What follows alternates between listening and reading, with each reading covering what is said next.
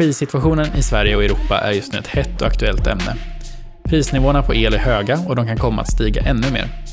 Det finns många olika faktorer som påverkar den här situationen och forskningsbolaget Energiforsk står bakom en studie på hur man mest effektivt kan få ner elpriserna eh, baserat på tre olika scenarion.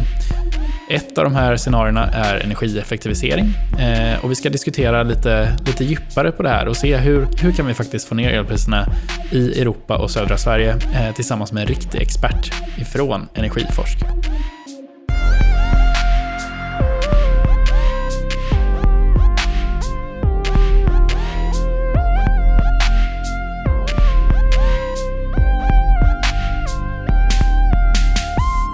Marcus Wråke är sedan 2016 VD på Energiforsk, forskningsföretaget som driver och samordnar energiforskning. Han är civilingenjör och har också en doktorsexamen från Handelshögskolan i Göteborg. Marcus har 20 års erfarenhet av arbete med energipolitik, teknik och klimatförändringar.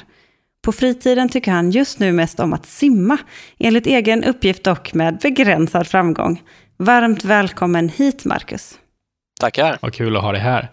Jag tänkte vi, vi kastar, kastar oss in med en gång här. Eh, och eh, under de senaste månaderna så har det ju diskuterats en hel del om elbesparingar och energieffektivisering.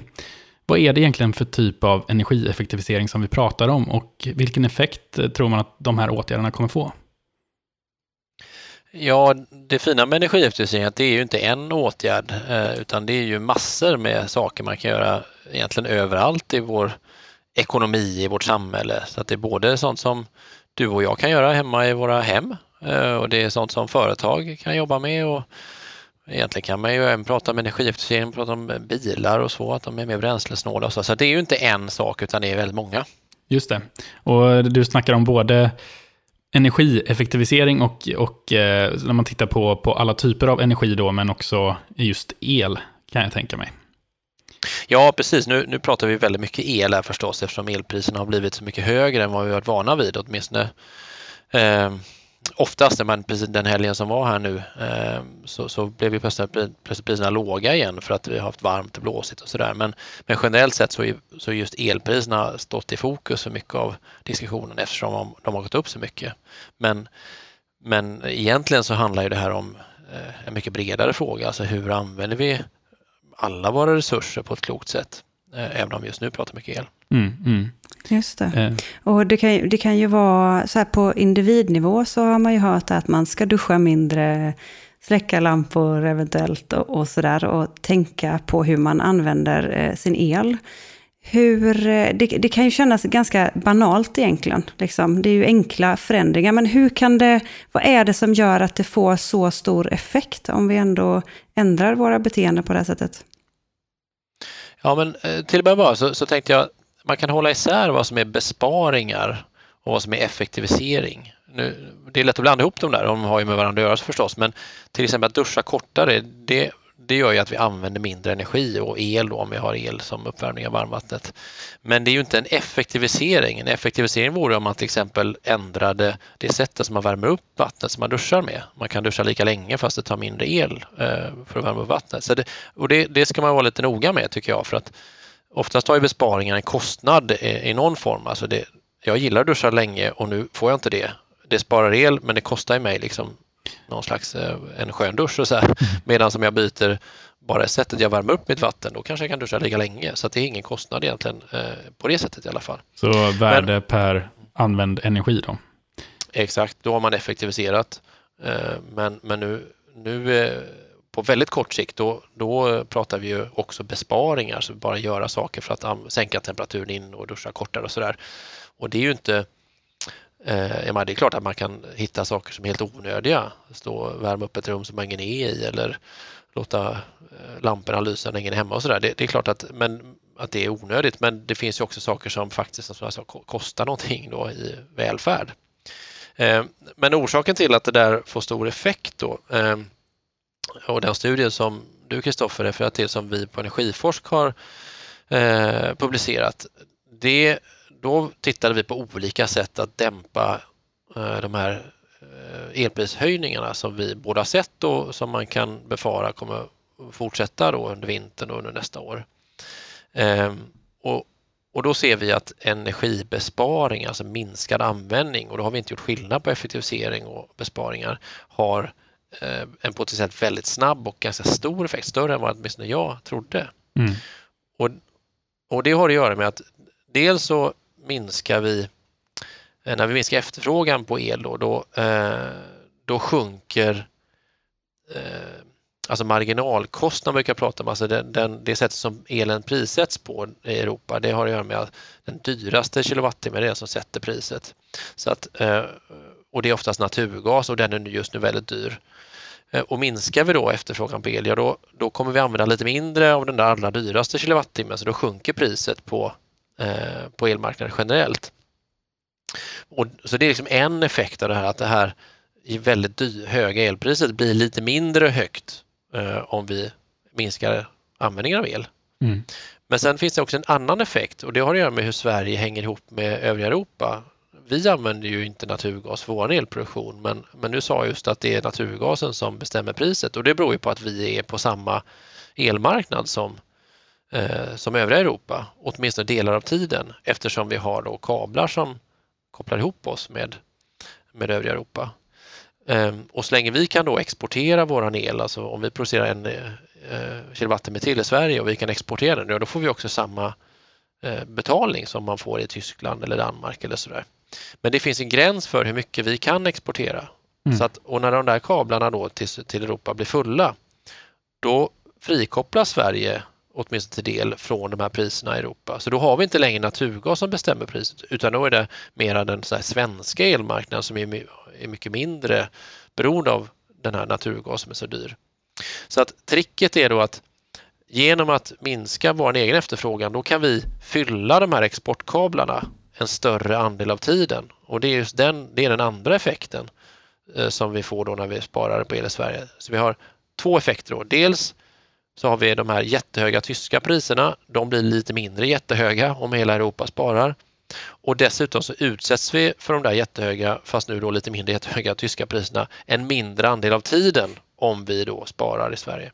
Och de två effekterna kombinerade blir då ganska stora mm. helt enkelt. Ja, men det, det är ju superintressant effekt och ett perspektiv. Eh, för att titta på, på helheten.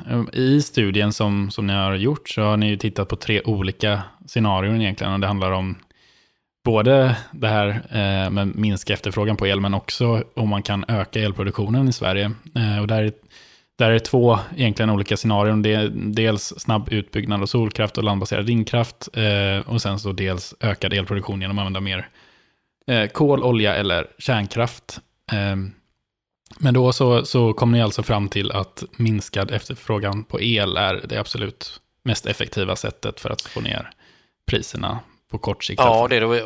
Och det är klart att det spelar roll hur mycket mm. förstås. Alltså det, det, det, måste man ha med sig då. Och, och vi tittade då på eh, framförallt det målet om elbesparingar som EU-kommissionen satte upp här eh, i augusti var det väl.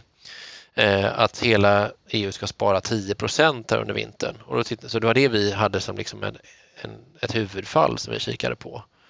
Och det gör ju en jättestor skillnad på elpriserna i Sverige. De, de, eh, alltså vad vi tittar på så är det, skulle vi, det kanske innebär en halvering av priserna i Sverige jämfört med om vi inte hade gjort någonting då eh, och bara fortsatt som förut.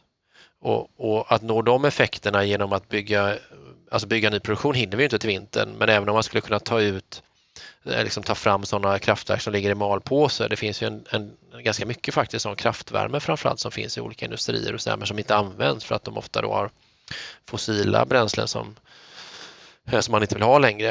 Eh, men om man skulle ta dem i bruk igen då, ja även om man skulle göra det så skulle det inte få alls den här, den här effekten som besparingar har, skulle kunna ha. Då. Och tittar man på att bygga ut till exempel med vindkraft och så som ju är, kanske det snabbaste Eh, fossilfria kraftslaget eh, som vi kan få fram, ja inte heller det går att göra eh, alls så här fort. Så man kan inte få den här effekten som vi får på, genom att spara på användning. Även med det. Då. Vi har ju haft en eh, mild höst eh, än så länge och inte sett så höga elpriser som vi kanske trodde. Men har vi några konkreta siffror på att det här med besparingar och effektiviseringar faktiskt funkar och vad det har, har fått för resultat? No, alltså, det vi ser är ju, precis som du säger, att efterfrågan, alltså användningen av el har ju gått ner dramatiskt eh, och särskilt bland hushållen eh, i, och inte minst i Sverige. Södra Sverige har minskat, nu kommer jag inte ihåg siffrorna i huvudet, men alltså det är upp mot 20 procent tror jag som hushållen har, har minskat sin elanvändning jämfört med förra året. Och, och, det var även i september som inte var en särskilt kall månad, jag tror till och med det var, eller varm månad, den var till och med kallare tror jag än september 2021. Och det har fortsatt i oktober och delvis är det förstås ett resultat av att det är varmare så vi behöver mindre el för uppvärmning. Eh, men, men icke desto mindre så ser vi ju precis de effekter vi trodde, nämligen att elpriserna är ju väsentligt mycket lägre än vad de hade varit annars. Eh, så elbesparingar har absolut, tror jag, en, en stor betydelse i de här prisnedgångarna eller, eller mindre höga priserna som vi nu har sett. Men det är också så att eh, naturgaspriserna som vi pratade om förut, de har också gått ner eh, jämfört med vad många befarade. Och det är ju ett resultat inte minst av att de här naturgaslagren som ni, ni kanske talas om Europa har och haft som mål att fylla inför vintern. Det är ganska stora sådana lager man har som man varje år försöker fylla så att man kan ta av dem när värmesäsongen sätter in här på vintern. Det har man ju lyckats fylla mer än vad man har hoppats på eller trodde och det har gjort att naturgaspriserna har gått ner. Eh, och det i sin tur då gör ju att de här höga europeiska priserna som också slår in i den svenska marknaden har blivit lägre. Så att det är en dubbel effekt absolut och, och jag kan inte säga precis hur stor, liksom, hur mycket som är bara naturgaspriserna och hur mycket som är elbesparingar. Jag har inte sett en, några som har, någon sån studie och vi har inte gjort det. Men att det, att det har effekt, de här, den här minskade användningen, det är jag helt säker på. Mm, just det. Och, eh, jag tänkte faktiskt på en fråga också. Eh, den nya regeringen nu har ju föreslagit att eventuellt slopa elprisområdena. Hur hade de här slopade elprisområdena påverkat elpriserna i Sverige, tror du? Skulle detta liksom kunna påverka viljan att eh, energieffektivisera eller bespara? Att den liksom vill hem, eh, hämmar eller stimulerar? Ja, men det tror jag. Alltså, Eh, det finns ju många bottnar i den frågan, men, men om man bara börjar med den första, vad hade hänt om man hade man sagt att ja, vi, nu ska vi bara ett pris i hela Sverige? Eh, ja, då hade priserna gått ner lite grann i södra Sverige och gått upp ganska mycket i norra Sverige. Och, och det är klart att det, allt annat lika, gör att liksom motiven, de ekonomiska motiven att, att hushålla med el i söder blir ju lägre och de blir högre i norr. Eh, om man nu tror, som jag gör i alla fall, att priser är en del av den här besparingsviljan och, och viljan att använda både kort och långsiktiga eh, liksom, metoder för att använda mindre el. Så det tror jag eh, att det hade blivit på det sättet. Men sen ska man ju komma ihåg att de här, de här elprisområdena, att bara säga att ja, men nu ska vi ha ett pris i hela Sverige, det är ju, ja det låter ju sig sägas lätt, men de, de här prisområdena speglar ju en fysisk verklighet. Det är ju så att vi har de facto ett överskott av el, eh, alltså mycket elproduktion i norra Sverige där vi inte har lika mycket användning som i södra Sverige där vi å andra sidan har mindre elproduktionskapacitet och så har vi begränsningar i hur mycket vi kan föra över från norra till södra Sverige. Och den där fysiken, den kan man inte bara ändra på för att man vill utan då måste man bygga saker, då måste man bygga produktionskapacitet i södra Sverige eller öka eh, elöverföringsförbindelserna, från, alltså bygga fler kablar från norr till söder och sådär. Och då skulle man ju också jämna ut priserna. Eh, men om man, om man liksom från politiskt håll säger att ja, vi klarar inte att bygga bort det här eller vi vill inte av olika skäl göra det, men vi vill ändå ha ett pris som är samma i hela Sverige.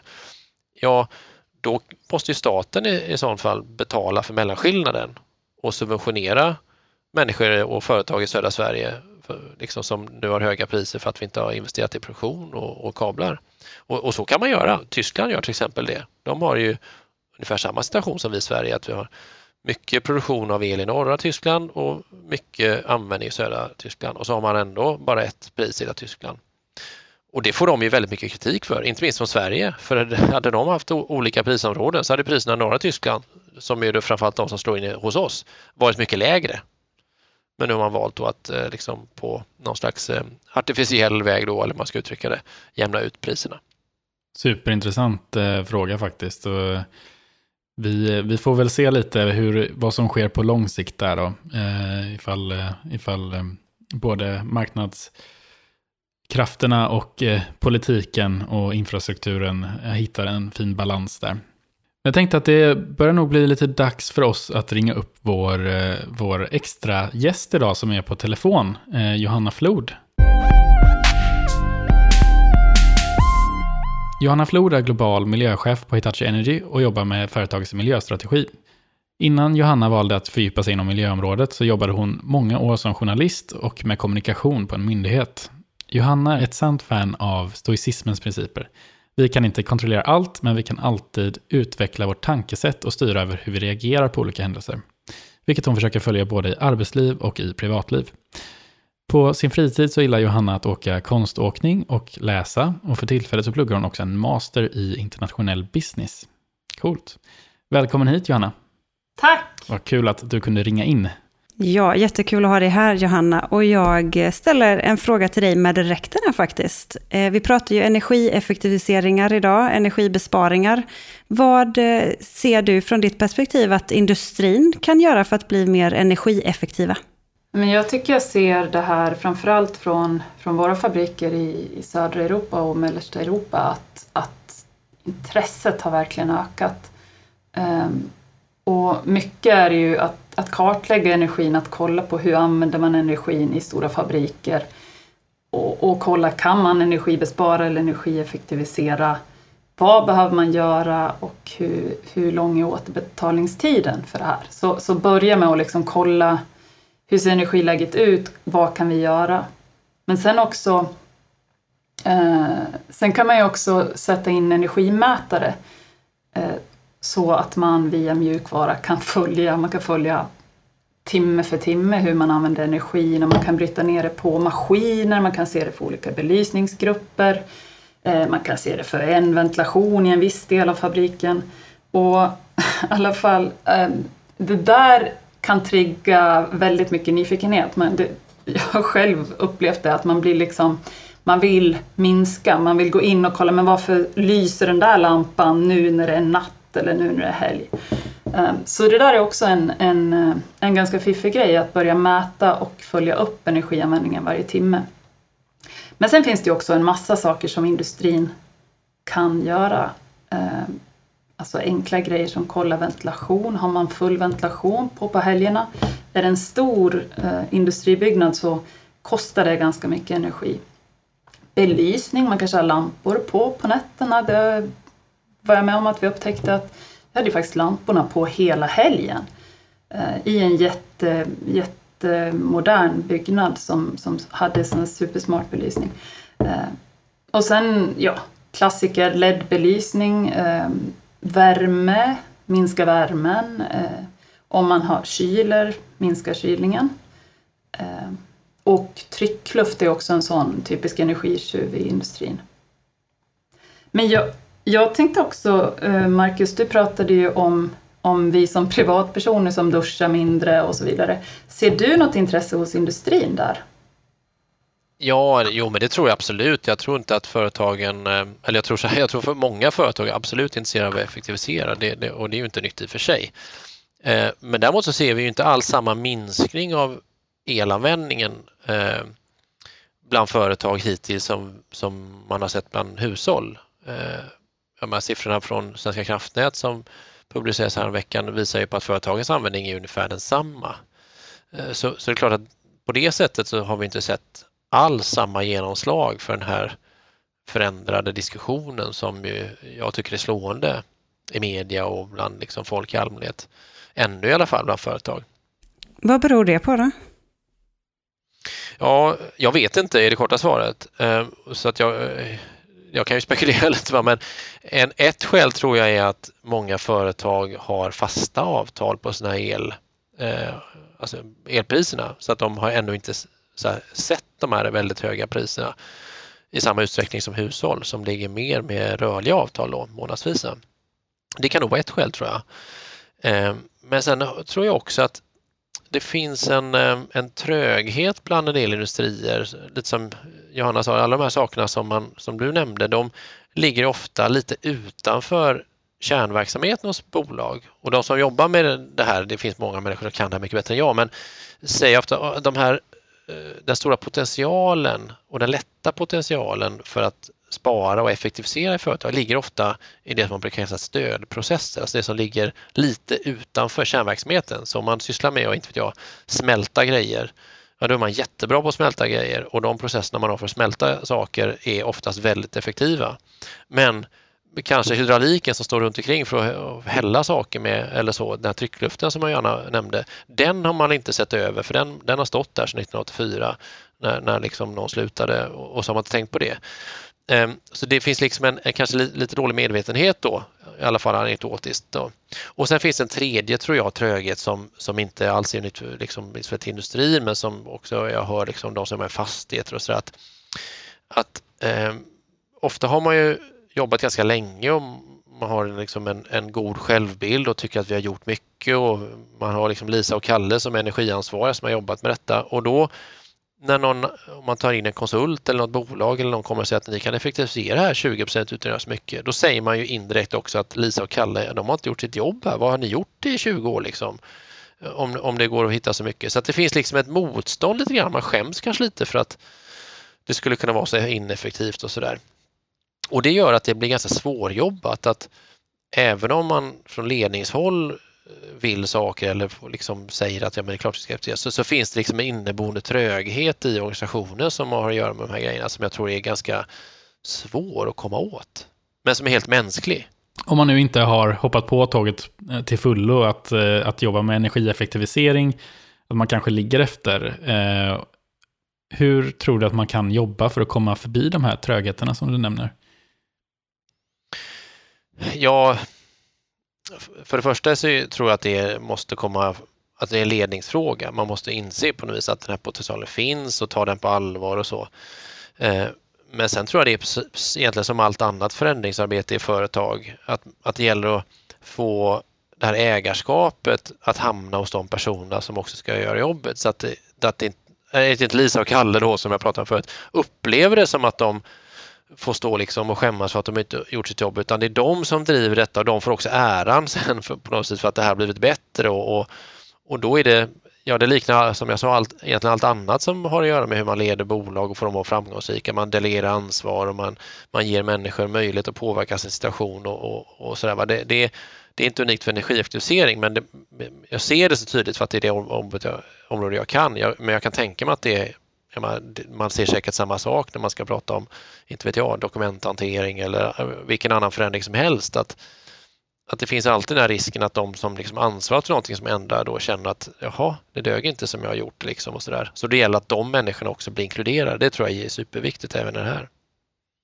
Vad säger du Johanna? Du har jobbat mycket med de här frågorna inom Hitachi Energy. Delar du Marcus syn eller vad, vad ser du från ditt perspektiv? Ja, ehm, alltså jag, jag håller med om den här trögheten och jag tror också att det, det handlar om att man har kanske långsiktiga elavtal så återbetalningstiden kan ibland vara lite för, för lång för att faktiskt genomföra investeringarna.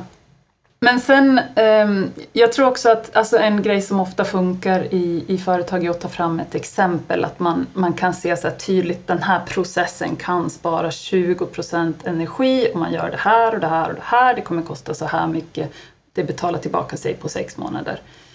Sådana tydliga exempel, för det kan också vara ganska Alltså de här energikartläggningarna, har du en stor komplex fabrik så kan det ju ta en vecka och vara kanske 500 000 i investering av en extern konsult som du sen bara har en rapport från.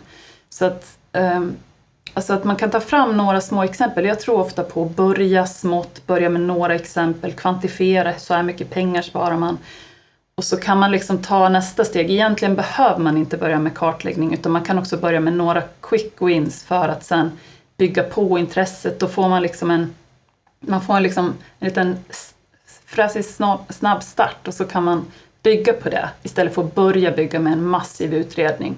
Och så kanske man, ja, det tror jag ofta kan vara bra. Så uh, om man ska börja med low hanging fruit, om man får använda ett sånt slitet uttryck, men om vi tar och backar tillbaka bandet lite bara. Varför är det egentligen som man borde jobba med det här som, som företag? Jag tycker att det finns tre stora anledningar. För det första, i alla fall för företag, så, så ekonomiskt. Att om man kan spara energi och spara pengar, tycker jag att man ska göra det. Eh, och för det andra så solidariskt. Vi har en energikris. Är det riktigt och rätt att företag och privatpersoner ska vaska energi eller vill man faktiskt använda energin så smart som möjligt? Och sen det tredje, vi och väldigt många företag med oss har ju satt klimat, klimatmål. Vi ska bli klimatneutrala till 2030 och att, att minska energianvändningen eller använda energi effektivare är det första och det smartaste sättet att minska sin, sin klimatpåverkan också. Ja, men jag måste bara hålla med. Alltså jag tycker också att det, det diskussioner i Sverige och säkert i övriga Europa också handlar så mycket om så vad, hur mycket ska eh, elräkningen i december vara? Hur hög ska den bli och alla år för det. Men just nu, alltså människor dör ju bokstavligt talat, så dör ju människor på gatorna i Ukraina duscha kortare för in i hela vassen säger jag till mina barn. Liksom, att, eller, det är mycket, mycket större fråga än så och som även då som Johanna är inne på, vägen ut ur det här är också den vägen som vi ändå måste vandra på, nämligen att göra oss mycket mindre beroende av fossila bränslen och sluta slösa så förfärligt som vi har gjort eh, både i Sverige och på andra ställen. Delvis för att det varit rationellt, för att det inte har varit så dyrt, men också för att vi är omedvetna och bryr oss mer om andra saker. Och det, det måste vi göra nu och i framtiden alldeles oavsett vad elräkningen liksom i Malmö är i vinter. Så att jag tycker det är jättebra att påminnas om det. Mm. Att det här är en fråga, det är bra för plånboken, absolut, men det är också bra för klimatet och det minskar intäkterna för Putins, eh, till hans eh, krigsarméer i Ukraina. Exakt, mm. så vi, det finns ändå, med den här krisen så får vi mer eh, awareness helt enkelt om hur, hur systemet funkar och var vi kan spara in och bli mer effektiva. Både för att nå eh, monetära mål men också för att nå våra klimatmål. Eh, det känns ju som, som en positiv takeaway man skulle kunna ta från detta. Eh, och mm. att man verkligen blir solidarisk nu när vi ser de starka effekterna som, som kommer på en bred front av den här krisen. Absolut. Tack så hemskt mycket Johanna för att du hade tid att ringa in till oss i samtalet. Eh, det har varit jätte jättebra och eh, väldigt intressant att få höra dina perspektiv. Tack så mycket Johanna. Tack så mycket. Marcus, vad är din reflektion över vad Johanna precis sa här nu? Ja, men jag tycker det är spännande att höra någon som Johanna som jobbar i praktiken verkligen eh, i företagsmiljön och ser det här som, som jag oftast liksom pratar och skriver om och, och, och hör. Eh, men inte, jag är själv liksom inte alls så duktig på hur de här förhållandena ser ut i verkligheten och då är det kul att liksom höra någon som Johanna som faktiskt vet det och som jobbar med den utrustning och de processer och liksom människor som, som måste göra det som jag pratar om borde göra. Liksom. Eh, jag brukar prata om verkligheten där ute utanför alla vi som skriver rapporter, vår lilla värld. Liksom. Så, och det är ju jätteviktigt tror jag att, att eh, det finns den här kopplingen så det, det är superkul tycker jag att höra det. Mm. Och, och lärorikt för mig. Ja, men precis. Koppla samman. Man lär ju av varandra och det är ju en eh, komplex situation. Det är ett stort eh, system och det är konsekvenser och påverkan om vartannat. Um, vi var inne på det lite tidigare, men vilka möjligheter skapar den här situationen som vi är i nu, tycker du? Ja, men det är som Kristoffer nämnde, att det här är ju verkligen en möjlighet att, att eh, accelerera eh, den här omställningen bort från fossila bränslen och bort från eh, o, liksom ineffektiv resursanvändning som vi vet och har vetat jättelänge att vi borde göra och, och som vi för all del också har påbörjat. Och ser man på till exempel den planen som EU har eh, publicerat och, och jobbar med under namnet här Repower EU heter den här planen för att göra sig mindre beroende av framförallt ryska fossila bränslen så är ju den i mångt och mycket eh, en skärpning av de redan tidigare fattade besluten som hade med klimatmål att göra. Det som eh, kallas för Fit for 55-paketet som, som kom före Rysslands invasion av Ukraina. Eh, så på det sättet så, så kan ju det här vara en, en väldig skjuts för, för det arbetet också, även om det sker av förfärliga orsaker. Då. Men det finns ju en motstående kraft här också det, som, som jag tror vi ska vara medvetna om och som delvis också därför jag tycker det är bra att Johanna tog upp den här kopplingen till eh, inte bara elpriserna liksom och plånboken utan också de bredare målen. Eftersom vi ser ju också att eh, mycket av diskussionen i Europa har ju handlat också om hur ska man bara lyckas skydda konsumenter i så hög utsträckning som möjligt? Så att å ena sidan så är det klart att vi pratar om Ehm, förnybar energi och energieffektivisering och uppsnabbning av klimatåtgärder och så här. Men det handlar ju också om att åka till Qatar och skriva långsiktiga kontrakt på flytande naturgas och bygga infrastruktur för att ta in fossila bränslen från andra källor än Ryssland och sådär. Som ju absolut riskerar att sakta ner den här omställningen om vi inte aktar oss då, så står vi igen och efterkloka om några år att varför har byggt de här stora terminalerna som de kan man inte skriva av på fem år liksom, utan de ska stå där helst i 30-40 år. Så att, eh, och jag tror inte att det är en slump att eh, väldigt tidigt i de här policydokumenten så står det ju att ja, vi ska så långt det går liksom minska de negativa effekterna på konsumenterna och, och vi ska göra ingrepp i el och, och bränslemarknaderna på ett sätt som, eh, som skyddar eh, utsatta grupper och sådär. Och det, det, det må ju vara motiverat men det ändrar liksom inte det faktum att vi måste ställa om våra ekonomier. Och, och det här är ju möjligt att göra det snabbare tror jag, men det finns också då som sagt en risk att man eh, i, i hast här i alla fall då, och, och kanske drivna av andra intressen också gör misstag. Väldigt intressant och det är ju någonting som jag hoppas ändå ett, ett perspektiv som, som, som tas in i och med i beräkningen. Eh, men som om inte annat det är bra att allmänheten också är medvetna om. Ja, för liksom jag tycker att ibland eh, så framställs ju inte minst diskussionen om, om elmarknaden och bränslemarknaden framställs som att ja, nu har vi ett problem här att priserna är så höga så vi gör om marknaden så blir priserna lägre. Och, och ja, det kan ju vara att de kanske, man kanske kan hitta sätt att sänka priserna till konsument men faktum är ju att priserna är höga för att vi har använt naturgas som vi nu har mindre av och då blir den väldigt dyr. Och det skapar en väldigt stor kostnad någonstans. Sen kan man flytta runt den här kostnaden till olika grupper i samhället och, eller gömma den på skattsedeln eller på andra sätt. Bli av med det här Svarte Petter blir vi ju inte, den finns ju kvar. Men, men man ägnar sig åt att, att liksom ta fram förslag som om man löste ett problem. Nej, man flyttar problemet och det kanske är motiverat, men för att lösa problemet så måste man bli av med grund, grunden och det är beroende av naturgas. Mm. Det löser man inte med någon marknadsreform. Ja, precis. Man måste jobba mm. med tillgång, efterfrågan och ny teknik helt enkelt. Exakt. Intressant. Um, om vi skulle bli nästan på gränsen till lite flummiga här nu då, Marcus, uh, och uh, ge dig frågan om du skulle kunna ändra förutsättningarna för hur vi arbetar med energieffektivisering eh, genom att du får en magisk pensel. Vad hade du ändrat på då och vad skulle det få för effekter tror du? Ja, det är ju en jättesvår fråga. Alltså, mycket, jag tycker det, för det första är det ju spännande och positivt att se den faktiskt omsvängning av energidiskussionen som har skett i Sverige de sista ska jag säga, två månaderna från en valrörelse eh, som egentligen helt fokuserade på en fråga, nämligen ska vi ha eller ska vi inte ha kärnkraft? Och möjligen om det ska ske på bekostnad av vind eller inte, så har ju det helt plötsligt också hamnat i fokus då, den, den här frågan om effektivisering och kanske besparing. Och det tror jag i sig, det är ju en jättestor positiv utveckling som jag tror, visst om priserna sjunker tillbaka så kommer ju delvis där också att eh, kanske hamna lite längre ifrån eh, den allmänhetens fokus som vi har. Men, men jag menar alla de här tätningslistorna som människor har satt upp eller för all del investerat i en bergvärmepump och så, den, de finns ju kvar de investeringarna och, och, kanske också en del av det här medvetandet. Så att på det sättet så har den här magiska penseln som pratar, den har ju redan målat lite grann i alla fall då att vi har flyttat fokus från att bara handla om tillförsel och kanske lite grann ibland om distribution av el till att vara något mycket bredare och det tycker jag är jättebra. Sen, sen är ju en utmaning med energieffektiviseringar som pratar om att, att det är ju inte en sak, det är så många saker. Och just eftersom det är så många grejer och det är så många olika aktörer och så där, så finns det liksom inte, tror jag.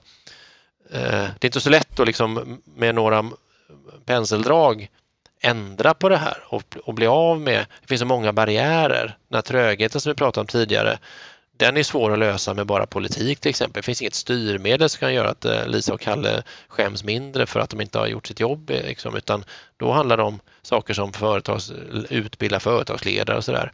Men det finns ju också politik som man kan, man kan knyta, man kan dels ge investeringsstöd så där, man skulle kunna knyta den här eh, elpriskompensationen som regeringen diskuterar man ska utforma till exempel till investeringar i besparing eller effektiviseringar och så som gör att man bygger liksom in en, en eh, dynamik eh, som är positiv då som gör att vi använder energi klokare.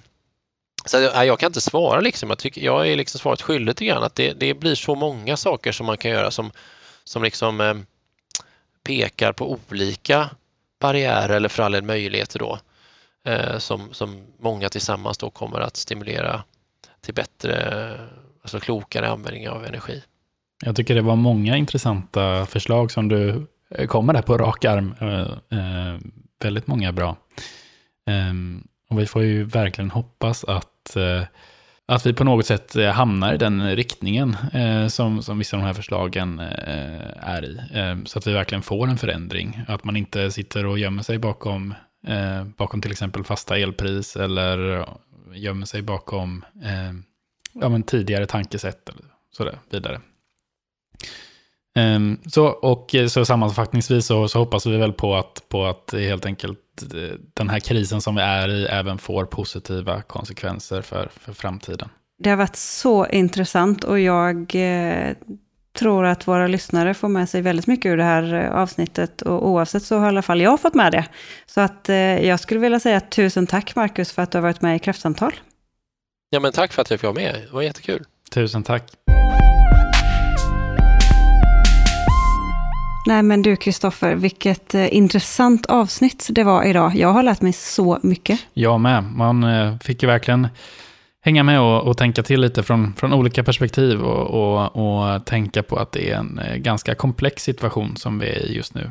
Eh, men jag hoppas ändå, som vi har varit inne på, att, eh, att vi kan få några positiva effekter också av problemen som vi har nu för framtiden. Ja, precis. Och det tycker jag sammanfattade väldigt väl avsnittet. Och då återstår det bara att säga tusen tack för att ni har lyssnat idag. Tack så hemskt mycket.